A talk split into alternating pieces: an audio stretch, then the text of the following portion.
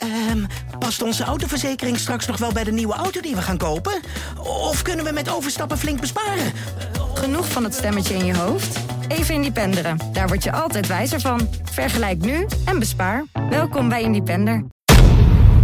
En wat je kan zeggen, nu ben je 14 jaar verder. Je hebt de hele wereld in elkaar geslagen. Fighting out of Morocco, ladies and gentlemen,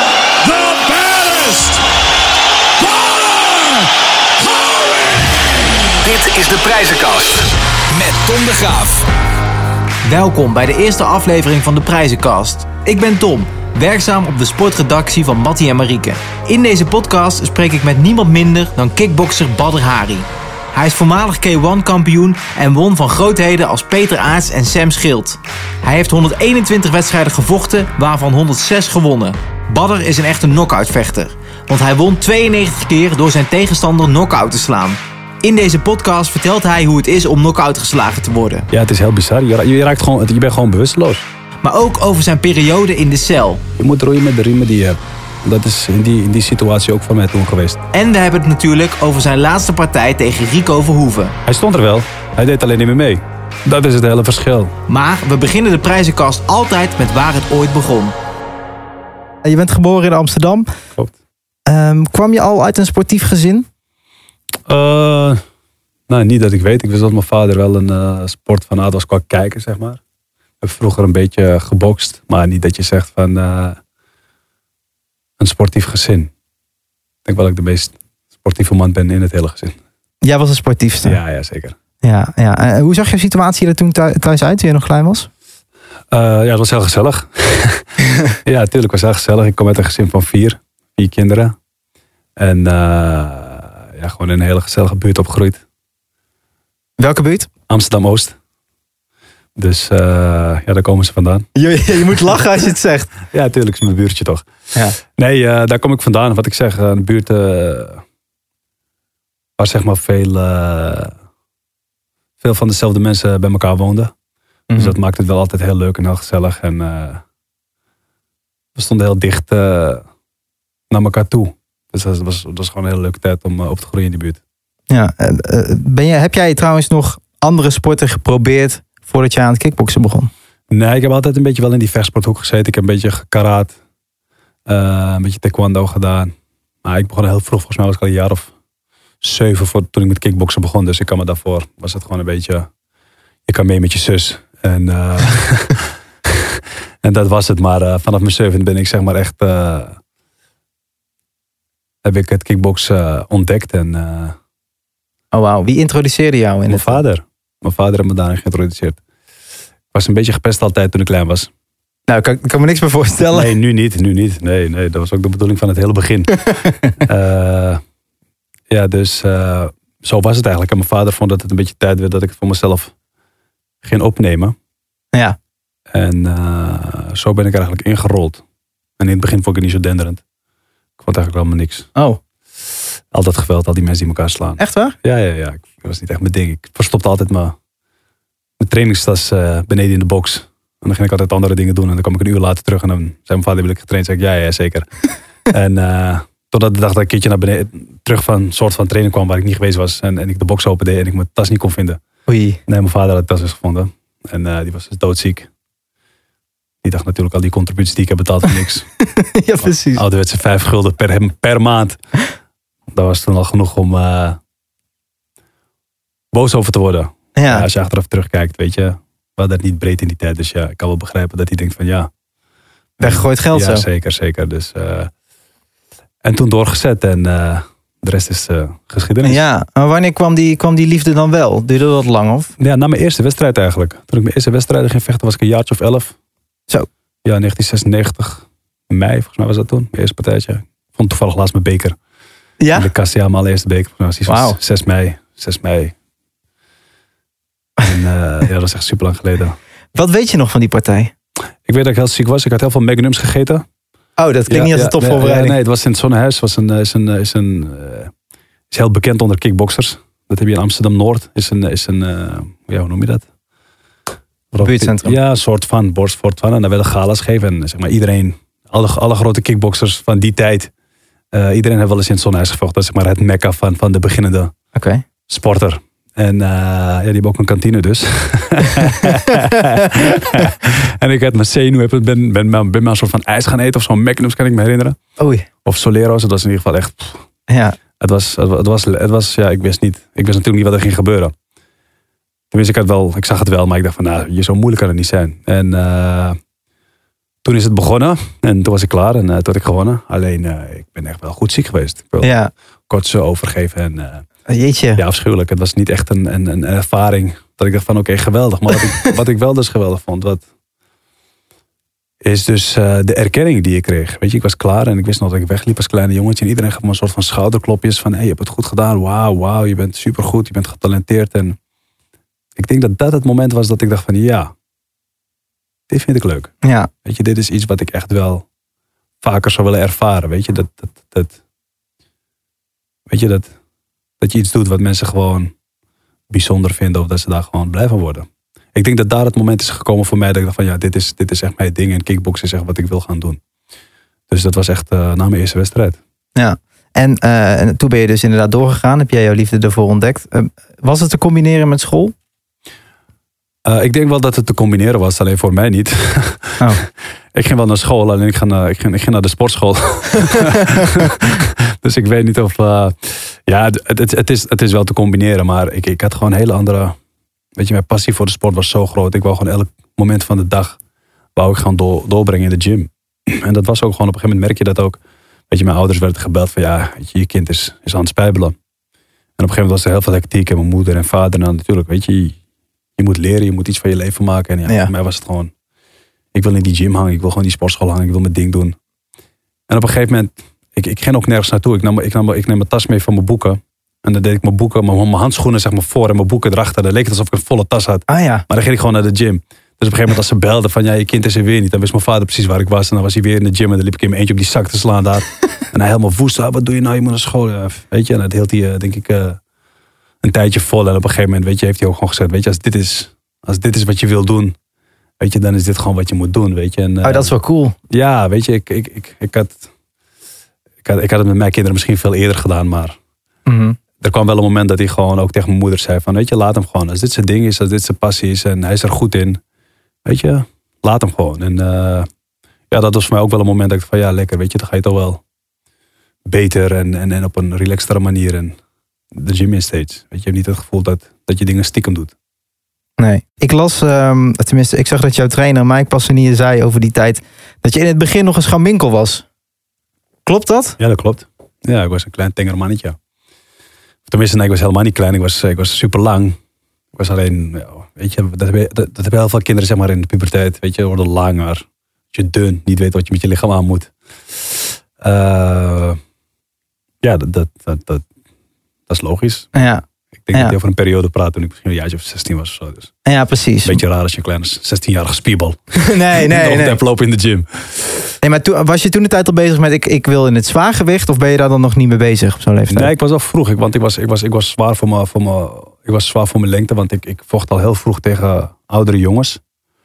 Dus ik kan me herinneren toen ik een jaartje of 15, 16 was. Toen zat ik al echt al bijna tegen de 80 kilo aan.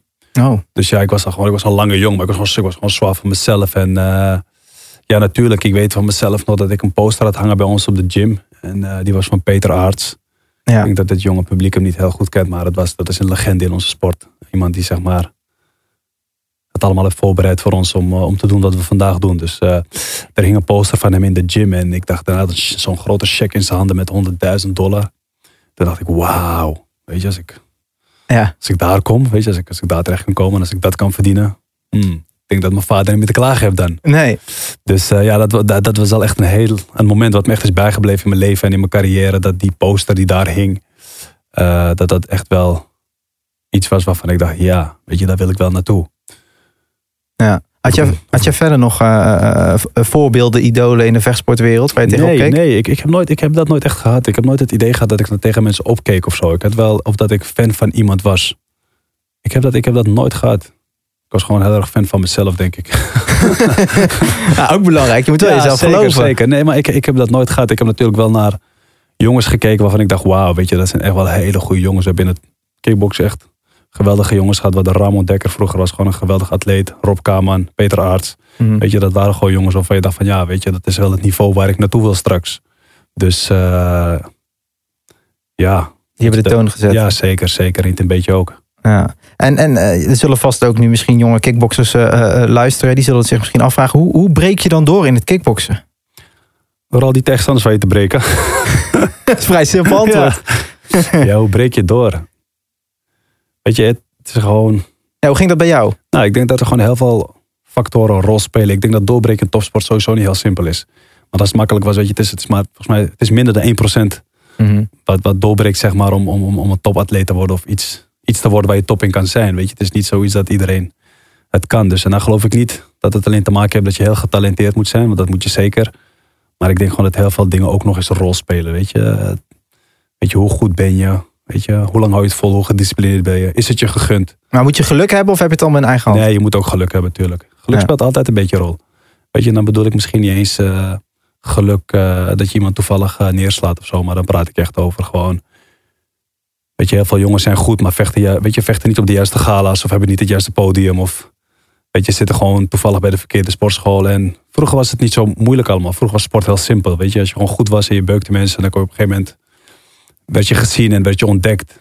En wat je nu heel erg merkt in dit tijdperk, is dat alles heel erg gebonden is aan, weet je, je hebt tegenwoordig social media en, en dat, weet je, dus je hebt heel andere platformen. Ja. Weet je, toen ik vroeger vocht, weet je, dan spraken ze in eh, Breda, dus waar jij vroeg vandaan kwam. en dan hoorde je gewoon, weet je, daar is een lange Marokkaan daar in Amsterdam, die is supergoed, die traint bij die gym. Weet je, er was helemaal geen Facebook of, of, Nee. of, of Instagram of hoe ze dat noemen. Weet je, dat was allemaal niet. Weet je, het ging allemaal mond op mond. En eh, als je naam op een gegeven moment in het wereldje kwam, ja, dan wist je gewoon van er komt echt iemand aan. Want men sprak over je. Ja. En dan liep je op het gala zo met je dunne lichaam. En dan zei ze, kijk, dat is, dat is die jongen over wie we het hebben. Dat is die jongen van 76. En ik weet dat. Dus weet je, het ging gewoon anders. Weet je, en nu is het gewoon van, ja, weet je, hoeveel volgers heb je? Of, of, of, of het is, ja, het is gewoon. Vind je dat jammer? Ja, tuurlijk vind ik het jammer, want ik denk dat heel veel talent verloren gaat. Eh, omdat minder talent misschien meer volgers heeft, of dat minder talent een beter platform heeft. Of... Ja, en mensen. Het is, niet, het is in ieder geval niet hoe ik het ken. Weet je, ik ken gewoon van oké, je moet ze gewoon beuken, je moet ze blijven beuken en nog meer beuken. En dan op een gegeven moment kom je er wel. Ja. Ben je oldschool? Ja, ik denk het, ik denk het. Als ik het zo hoor. Nee, maar ja, je hebt wel Instagram overigens. Ja, ik heb wel Instagram. Maar ja, ik, ik moet meegaan met mijn tijd, toch? ja. Ja, alleen Ja. Ik, ben, ik, ben niet, ik ben niet heel actief of zo. Ik, ik, ik, Nee. heb geen interactie of zo. Ik weet, ik post Je kijkt niet in de DM's. Nee, nee, ik slijt niet in die DM's. Nee, nee, Nee? nee. Nee, nee, nee. nee d- maar het- omdat dat is gewoon omdat ik hele andere prioriteit heb. Ik weet je, ik zie dingen gewoon anders. Ik weet wel dat het de tijd van nu is. Maar ik eh, weet wel dat heel veel eh, vechters eh, niet gezien worden. Of de verkeerde vechters gezien worden door, door, door hoe mensen nu kijken naar... Weet je, wie, wie zouden we moeten hebben of wie zouden we moeten promoten of wie verkoopt meer kaartjes. Dus wat ik je zeg, om een topsporter te worden, weet je, er spelen zoveel facetten mee dat het gewoon, eh, het is tricky. Dus je moet, je, moet nu heel, je moet nu veel meer geluk hebben dan dat je vroeger nodig had, zeg maar. Ja. Hey, en eh, we hadden het net al even over jou, jouw beginperiode. Op een gegeven moment heb jij dan je doorbraak. Wat was voor jou in de beginfase jouw, eh, je belangrijkste wedstrijd? Ik denk dat ik toen tegen Alexa Egnosov vocht, dat was in de arena, ik denk ergens in 2003. Toen zou, hij was toen echt de allerbeste zwaargewicht die er rondliep. Dat was een jongen uit Wit-Rusland, echt supergoed. Vocht toen al in de K1, was gewoon echt een beest. En die moest toen in Nederland vechten en die had een tegenstander en zijn tegenstander had afgezegd. En eh, ja, ga maar een zwaargewicht voor hem zoeken. En eh, dus de promotor van dat evenement, die was toen op zoek gegaan naar een tegenstander voor hem. Maar niemand die tegen hem wou, want het was echt heel kort af. En, eh, en iedereen, nou weet je, nee, ik weet niet. Iedereen had een smoes. En ik kwam die promotor tegen bij ons in de gym. En toen zei ik tegen van, hé, laat mij tegen die gozer vechten. Ik was een jongetje van 17. Ja. En die andere man was gewoon een volwassen man, eh 20 kilo zwaarder. Was gewoon, was gewoon, was gewoon een monster. Dus het was eh, misschien niet eens echt eh, slim om die wedstrijd te doen. Maar ik dacht, laat me nog gewoon doen. Weet je, geef me gewoon het podium. Het was in de Amsterdam Arena. Dus ja, weet je, dat was voor mij toen, wauw. Ja. Die was gewoon brutaal eigenlijk. Ja, tuurlijk, tuurlijk. En ik zeg, en wat betaal, wat weet je, laat me gewoon, laat mij het gewoon doen. En volgens mij verdiende ik iets van 7000 euro toen de tijd of zo. Toen dacht ik, wauw, 7000 euro. Ja. Dat heb ik nog nooit bij elkaar gezien. dus geef me die rust. Dus eh, ja, ik ging erop af en het was echt een geweldige wedstrijd. Ik verloor die wedstrijd wel in eh, de tweede, volgens mij of derde ronde. Ging ik knock-out op een eh, lichaamsstoot. Ja. Maar ja, we stelden wat ik zeg, we scheelden iets van meer dan 20 kilo en heel veel ervaring. Maar het was voor mij wel echt een moment. Ja. Weet je, ik kreeg de stoelen, ik kreeg de mensen op de banken, dus iedereen was echt super. weet je, ik had gelijk respect verdiend. Ja, ja, ja, en op een gegeven moment kom jij ook, eh, breek je echt door. Kom jij tegen vechters zoals Peter Aarts, die je net al noemde. Ja. Grootheid in de sport. Je, je gaat tegen Sam Schild vechten. Wat vind, wat vind jij de belangrijkste wedstrijd die je gewonnen hebt in je hele carrière? Ik denk dat die nog moet komen. Oké, Ja, ik denk dat die nog moet komen. en dat is tegen Rico. Nee, ik weet niet of dat tegen Rico is. Weet je, als dat, als, dat- als, als, ik ben nog niet klaar. Nee. Dus ik, ik denk dat ik dat gesprek pas met je kan hebben als ik eh, zeg van, nou weet je, ik hang mijn handschoenen op. Ja. Ik denk dat ik je dan kan vertellen welke wedstrijd in mijn carrière het beste was. Ik kan je wel zeggen tot nu toe misschien. Ja? Ja, tot nu toe heb ik wel een paar gehad dat ik wel voor mezelf dacht, ja, dat waren wel lekkere potten. Kijk, Peter Aas was gewoon, gewoon een super, super goed gevecht. Ik vind wel, natuurlijk, het was niet Peter Aas in zijn toptijd. Dat moet wel gezegd worden. Weet je, wel. als ik vond dat hij al een beetje. eh, Want hij was al, hij was al super lang in de sport ja, actief. ja, hij deed al zo lang mee. Dus weet je, ik vind, ik vind, weet je, ik denk dat hij misschien voor mij al gestopt had moeten zijn. Maar weet je, hij heeft ook heel veel liefde voor de sport. Dus hij is doorgegaan. Dus dat is een wedstrijd wat me bij is gebleven. Puur door die poster waar ik naar kijk. Dat ik zei van oké, dat is echt. Ja. En op een gegeven moment stond ik tegen hem in een vol stadion in Japan. Misschien wel 50, 60.000 mensen. En ik keek hem zo aan. Toen dacht ik, wauw, dat is wel, dat is gewoon die, dat is die meneer die mij heeft gemotiveerd om hier te komen. Of tenminste in ieder geval onderdeel van de motivatie. Ja. En eh, dus ja, dat was voor mij wel een pot die is blijven hangen. Sam Schild was natuurlijk een geweldige wedstrijd 2010 in de arena. Ja. Puur omdat hij gewoon onverslagen was jarenlang. En, en iedereen. Hij was heer en meester in de ring. Super sterk, super zwaar. Ik denk misschien Nederlands beste vechter ooit. Van Nederlandse komaf natuurlijk.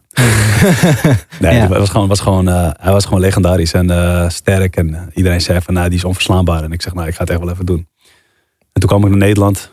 Na jaren eh, niet in Nederland gevochten te hebben. Toen eh, kwam ik hier terecht en toen eh wou ik mijn comeback in Nederland maken. En toen zei die promotor, oké, tegen wie zou willen staan dan? Ik zei, nou, je bent echt de beste. Ja, wie is de beste? Nou, Sam Schild.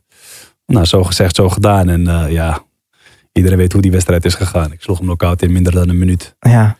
Ja. Dus ja, Ja. ik, heb, ik heb veel van die wedstrijden die gewoon echt legendarisch zijn. Waarvan ik denk, ja, dat zijn echt mooie potten. Ik zou ze morgen zo over willen doen. Dus Ja, een mooie, een mooie cv. Hey, en jij staat ook bekend natuurlijk om je knockout. Je zegt het net al, binnen de minuut had je hem neer. Ehm, als jij een wedstrijd wint op punten in plaats van een knockout, baal je dan? Eh, nee, want wedstrijden moeten wel gewoon gewonnen worden natuurlijk. Alleen het is niet echt waar ik van hou, weet je. Het is natuurlijk wel... Weet je, die vuur en vlam die in je wakkert, weet je, die is wel gemaakt om mensen echt knock-out te slaan. Dat is wel echt het meest dominante wat je in onze sport kan doen. Dus, eh, en volgens mij ben ik goed op weg. eh. En als ik ze raak, gaan ze zitten meestal. Ik sla gewoon ontiegelijk hard. Weet je. Ja, dat, ja. dat weten ze ook allemaal. Ja. Weet je, en eh, ze kunnen het ontkennen, maar als ik ze raak, dan tot nu toe wankelen ze allemaal.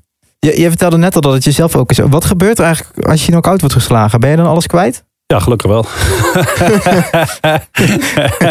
ja, tuurlijk. Ja, als je goed knock-out wordt geslagen, dan, dan weet je het gewoon niet meer. Dan word je wakker in de kleedkamer of misschien daarna. En dan denk je van, ja.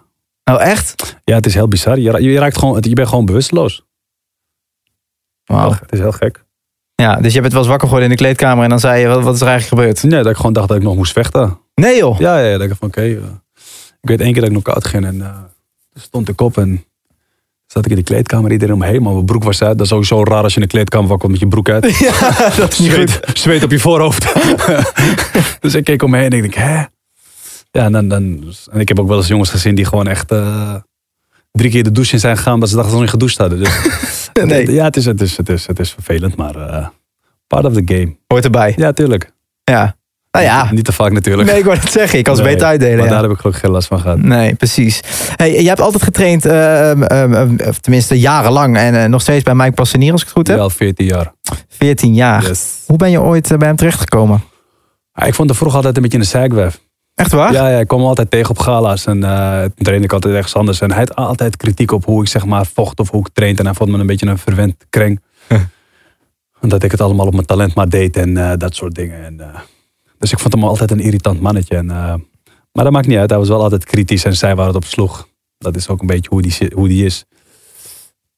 En eh, ja, op een gegeven moment, eh, ik zat zonder trainer even een tijdje. Ik was een beetje klaar met al dat met al die old school gasten, weet je. Ik heb bij Shakuriki getraind met Jiro Jim. Ik heb een paar gyms gehad die toen de tijd de gevestigde orde waren. Maar ik dacht, misschien moet ik iets nieuws. En toen heb iemand tegen me gezegd, misschien moet je het mic gaan proberen. En iedereen dacht, ah, die twee die houden het geen, geen week met elkaar vol. Mhm.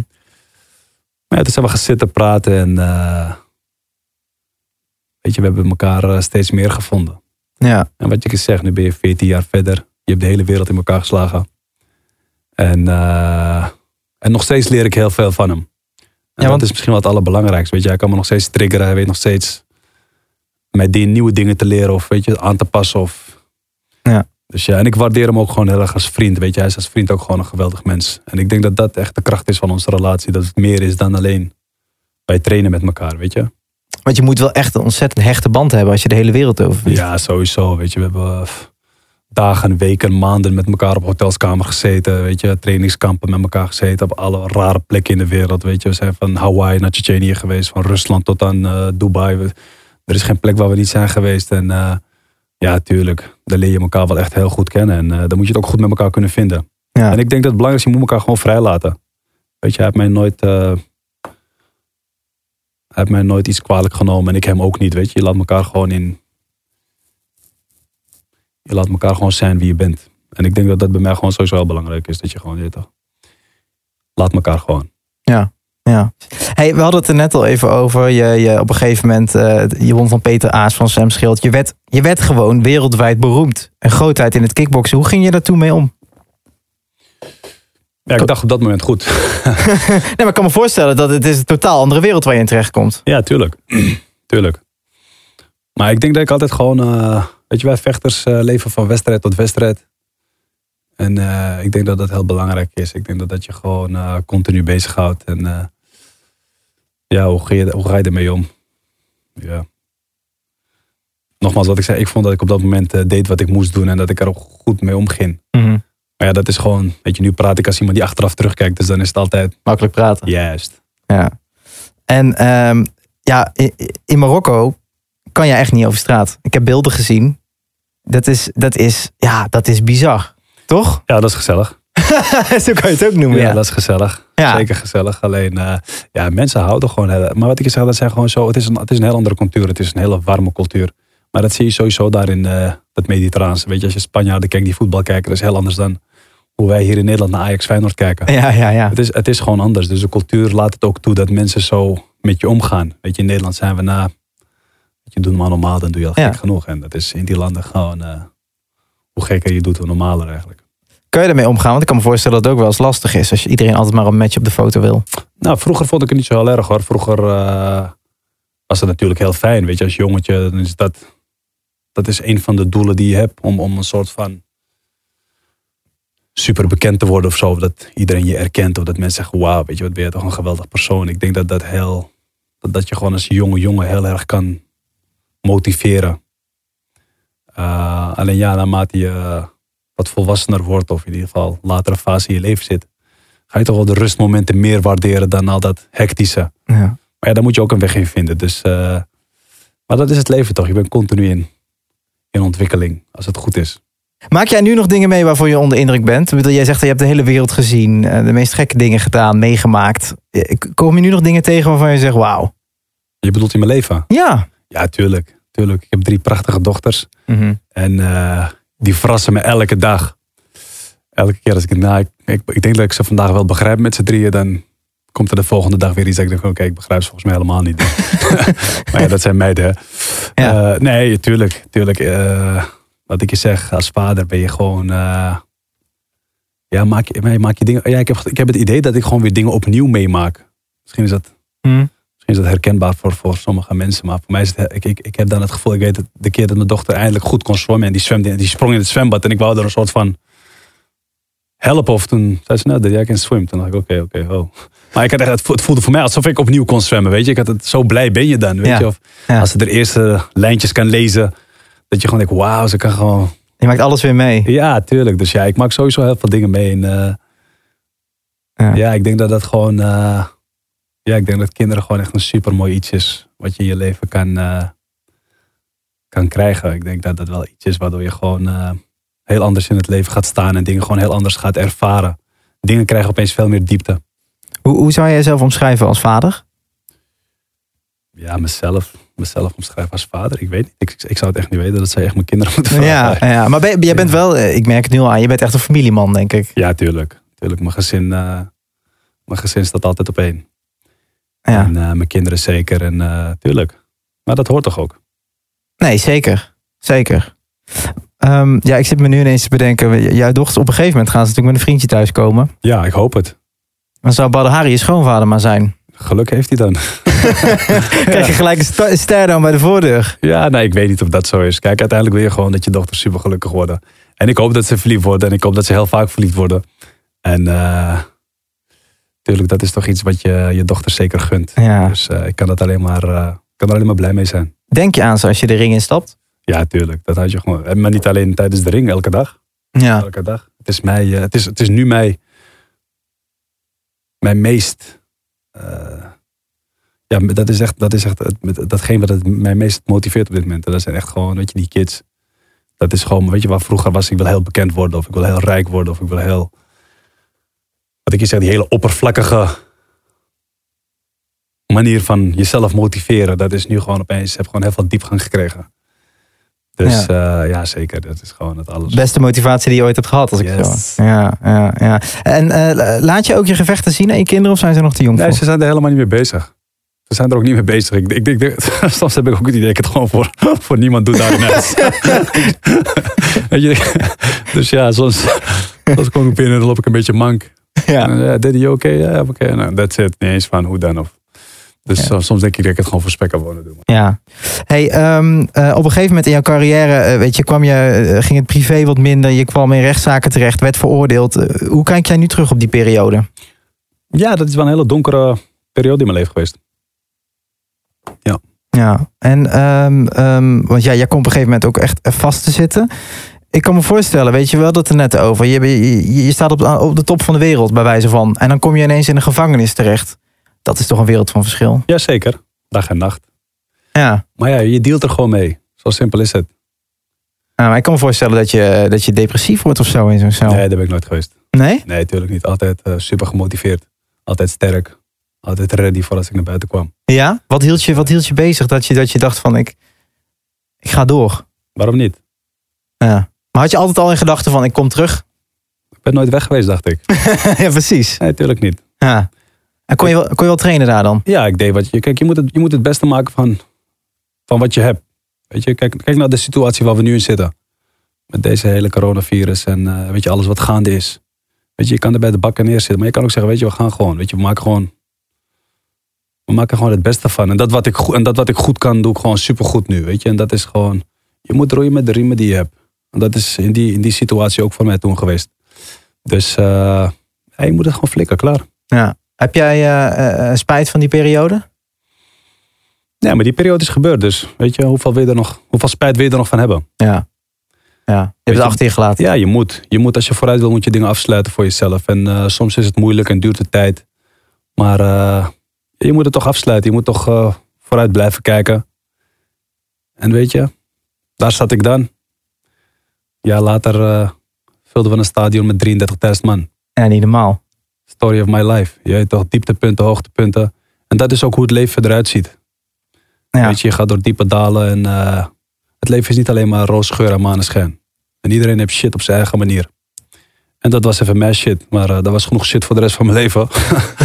dus eh, nee man, nu alleen maar leuke dingen. Nee, maar ik heb wel het idee dat we, we, hebben het we hebben het al de hele tijd over gewoon jouw carrière. Jij hebt gewoon, voor mijn gevoel, twee, misschien wel drie levens geleefd in één leven. Jazeker. Zo Toch? Voel je dat ook zo? Ja, als ik ochtends wakker word, denk ik... "Ugh." nee, kijk, het is gewoon een bewogen leven geweest.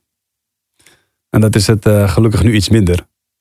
Maar ja, dat is, toch, dat is toch ook wel het fijne van allemaal. Weet je, uiteindelijk ben je toch een man met een verhaal. En ik denk ook dat dat gewoon ook onderdeel is van eh, het succes wat ik behaald heb. Ik denk dat mensen zich heel erg daarin herkennen. Om van eh,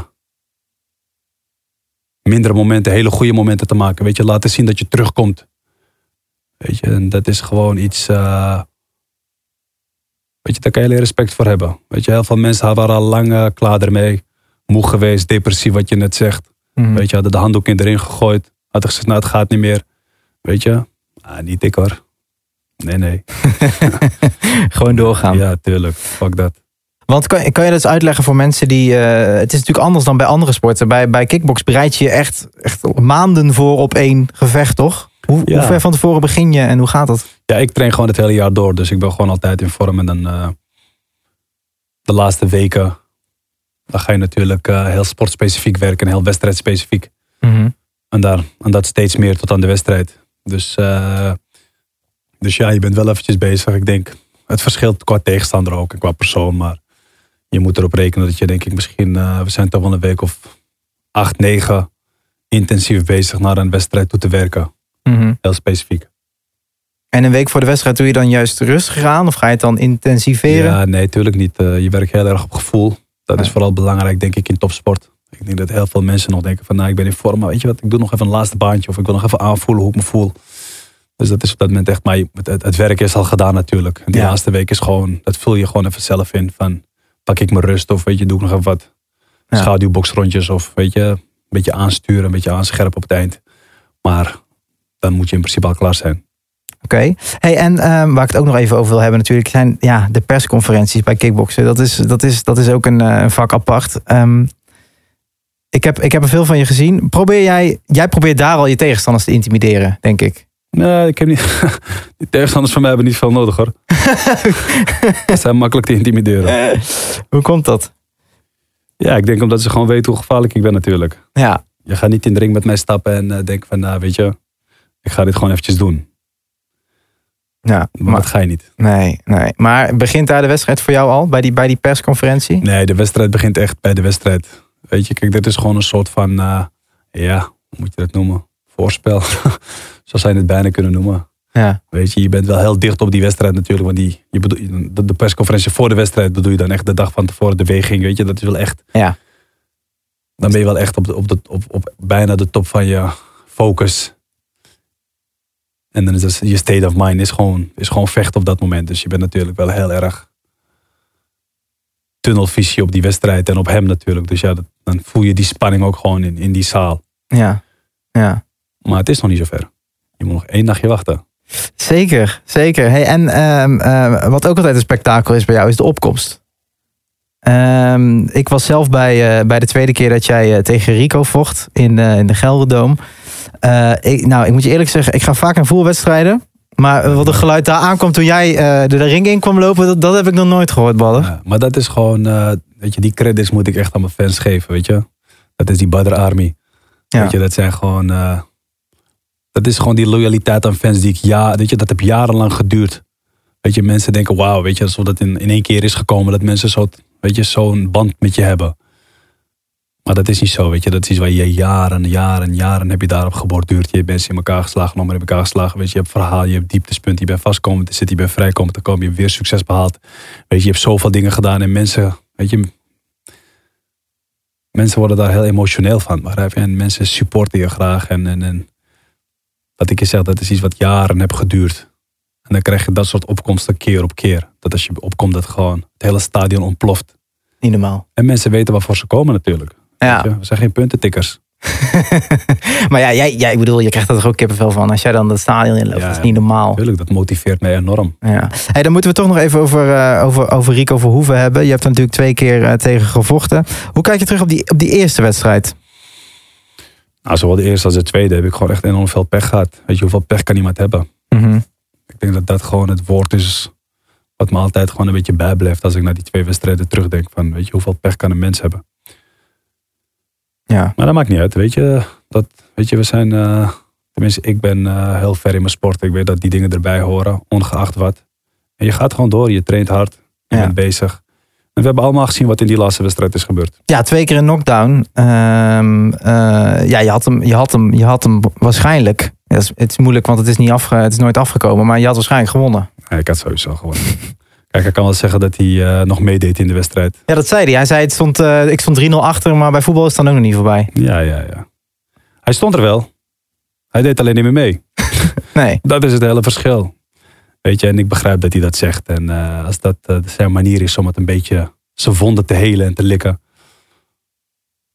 Want Denk- het zag er gewoon uit als een gewond lammetje daar hoor. Denk je dat hij geschrokken is van die partij? Tuurlijk is hij geschrokken. Want daar voelde hij even de, de kracht van Badden. Hij wist het al. Weet je, het is, ik heb zoveel tegenstanders gezien. Hele stoere tegenstanders. Hele Mhm. grote mond. Ik heb ze allemaal meegemaakt. En eh, als ik ze raak, weet je, en dat was ook in die wedstrijd. Weet je, als ik hem raak, je ziet de angst in zijn ogen. En ik, ik ben niet de enige die het ziet, weet je. We kunnen allemaal kijken, de beelden zijn er. Maar de 30.000 mensen die getuigen waren. Dus weet je, je kan het ook niet ontkennen. Het staat op tape. Ja, want jullie spraken elkaar ook nog even toen jij daar eh, op de grond... Wat zei hij toen tegen je? Ja, ik weet niet wat hij zei, maar het zal wel slap geluld zijn. ja, tuurlijk. Weet je, ik denk dat hij blij was dat het over is. En eh, dat was het. Kijk, dat is natuurlijk een wedstrijd die, eh, die me dwars zit. Ja. Vooral als je weet eh, het niveau wat zich, wat zich kampioen noemt. Ja, ja want hij is, wel, hij is nog steeds nu dan de champ. Jouw champ. Ja. ja, ja. Nou ja, hij is... Ja, hij, ja. Maar gaat er nog een derde keer komen? Ja, als het, als het aan mij ligt, zeker, tuurlijk. Dat is toch geen wedstrijd die je op die manier eh, wil afsluiten. Nee. als hij het niet wil doen, dan wil hij het niet. Maar dan moet hij voor de rest van zijn leven leven met het idee eh, dat ik hem gewoon zwaar ontmaskerd heb. En eh, hij was gewoon easy peasy. Hij is super makkelijk. Hij is echt super makkelijk. Ik heb geen moeite aan hem. Wat maakt hem zo makkelijk? Ja, hij heeft geen special effects. Hij is heel basic, simpel. Hij is te langzaam, hij is te slow, hij is te zwaar. Hij weet niet hoe die dingen moeten. Het is gewoon simpel. Het is gewoon 1-0-1. Weet je, boksen. Het is gewoon echt. Mhm. Gewoon Maar- het is gewoon makkelijk. Hij is toch wel al lang champ. Zegt, wat zegt het dan over het tuurlijk. niveau? Of, of- Het niveau is shit in Nederland. Het niveau is zo shit in zwaargewichtland. serieus? Ja man, die niveau is helemaal niks. Het niveau is niks. En daar kan hij niks aan doen hè. Los van dat, weet je. Dat is wel heel simpel. Kijk, hij staat er gewoon. Dit is zijn moment. Dit is zijn leeftijdscategorie waar hij in zit. En eh, dus ja, is, is goed wat hij doet, weet je. En in het land der blinden is één oog koning. Mhm. En eh, ja, tuurlijk, weet je. En hij wint wel al zijn wedstrijden. Dat is, daar moet je hem de credits voor geven. Maar hij is niet tegen mij opgewassen. Dat is het enige wat ik hem zeg. De rest misschien wel. Tegen de rest kan hij vechten. Maar tegen mij is hij niet opgewassen. En dat is ook waarom, de, waarom, waarom het zo'n grote wedstrijd is. Daarom maakt het de wedstrijd een wedstrijd. Dat is dus de reden. Mensen weten gewoon dat het is einde tijdperk. Weet je, als die wedstrijd straks komt. Ja.